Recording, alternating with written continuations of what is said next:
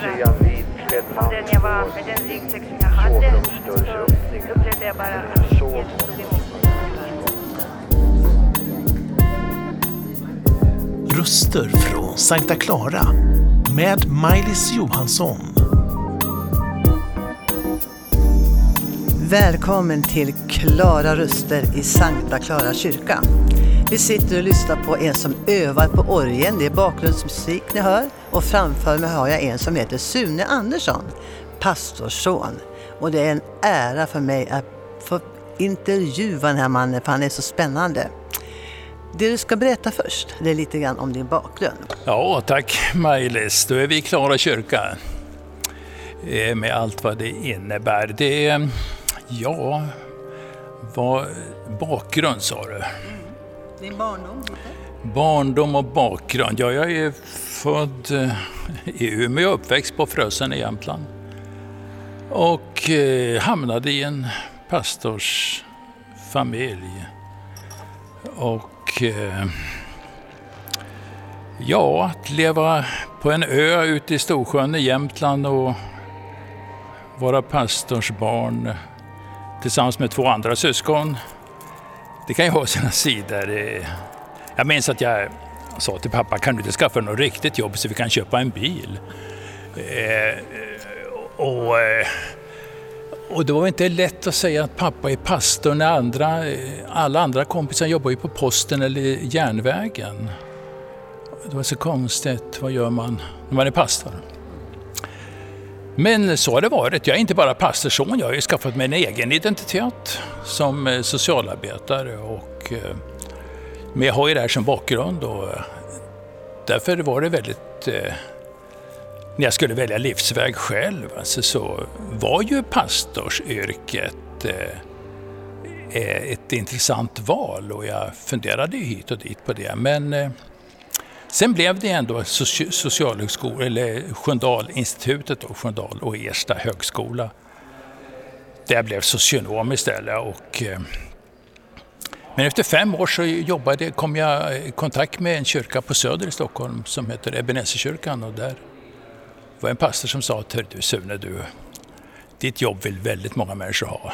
Men att vara med och jobba här i kyrkan med att förändra Marianatorget, kyrkan ligger vid Mariatorget. Att förändra Marianatorget till ett levande Mariatorg, det är inga som söker det här jobbet. Vill du vara med och jobba med det? Så jag gick upp och sa upp mig på socialtjänsten. Och, och sen har jag jobbat i, jobbade i 21 år. I, byggt upp en rehabiliteringskedja från Mariatorget via behandlingshem i Norrtälje och utslussning med lägenheter och körkort och arbete här i Stockholm.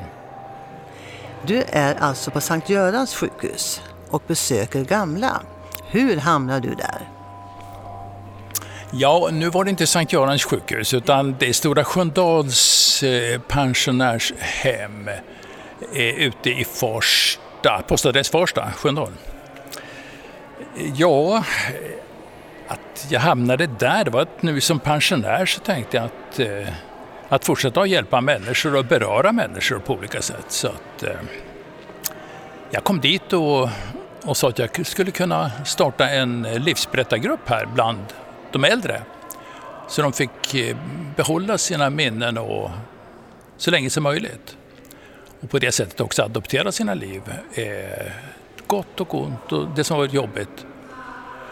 Så eh, anmälde mitt intresse och de sa att nej, det är inte bara att komma och ha en samtalsgrupp och tro att det kommer någon folk till en sån utan du får börja på ett annat sätt. Ja, och vad ska jag då göra?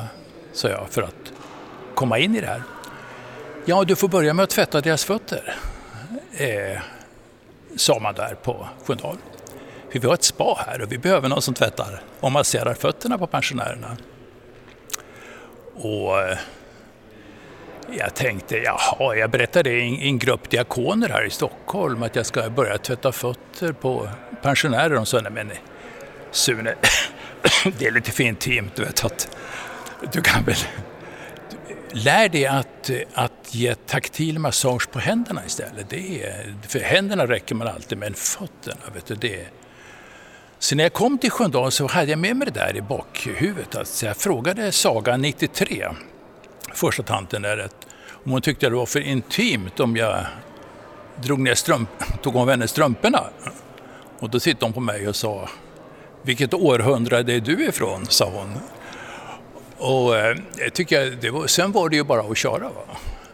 Och det är oerhört populärt att eh, göra någonting för människan, att eh, svara mot ett behov först innan man går på det här med eh, samtal och, och vill du öppna och lära känna och så vidare.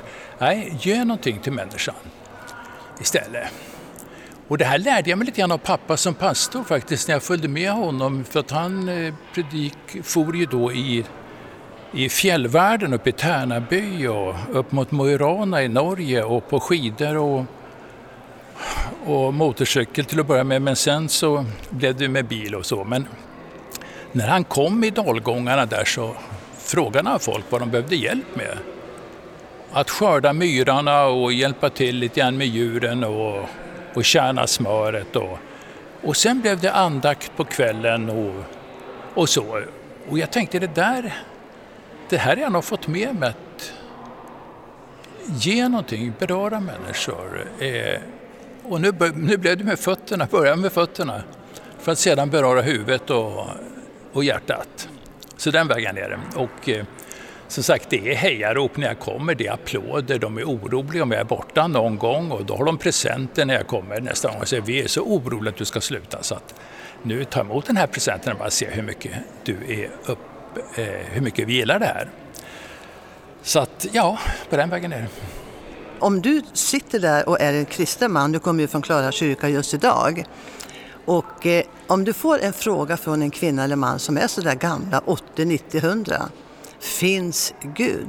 Får du som svensk medborgare svara sanningen då? Som du tror? Ja, absolut, absolut. Eh, nej, men jag, jag, jag talar med alla människor som om de trodde som jag. Eh, jag gör ingen skillnad, tror du eller utan jag berättade nu att jag satt och läste Daniels bok i, innan jag kom hit i morse i Bibeln. Och där stod det om eh, solstormar. Står det. Och det är ju aktuellt nu. Solstormar och norrsken, det är ju samma sak. Och det är ett jättehot nu att solstormarna kommer slå ut satellitkommunikationen i, i världen. Och eh, landet kan bli nedsläckt. Den här tv-serien som går precis nu. Elen kommer upphöra. Och, eh, och så berättade jag att i, i Bibeln, jag satt och läste Bibeln imorgon här och där står det om solstormar. och att vi ska tacka Gud för dem också. Så att, eh, nej men de vet att jag är kristen, att pappa var pastor och livs, livsskildrade livet och satt och intervjuade folk i kåtor och nybyggen i dalgångarna kring Tärnafjällen. Eh, och att jag har det här med mig, det, nej men som kristen absolut, överallt. Det finns ingen, inga hinder någonstans. Inte som jag upplevt i alla fall. Nej, men när man ser framåt i ditt liv, du är ju inte så förskräckligt gammal, och eh, du tänker, ja nu gör jag det här just nu som ger mig väldigt mycket. Du har ju fyra vuxna barn, barnbarn och allt det här vanliga. Men om du har en önskedröm som du aldrig har fått uppfyllt. Har du någon sån där riktig personlig önskedröm? Det här vill jag göra. ja, vad, ska jag, vad skulle det vara?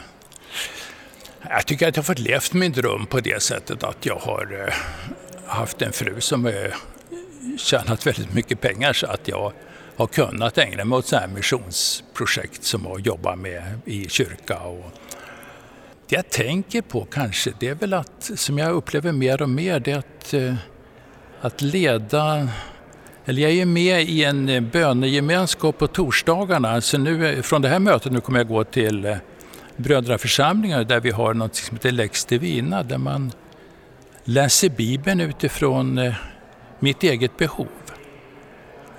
Och så att jag tror väl i framtiden kanske inte på stora kyrkor och fullt med folk. Det kanske man har någon celebration en gång i månaden men sen att man träffas i grupper och utgår från människors behov här och nu.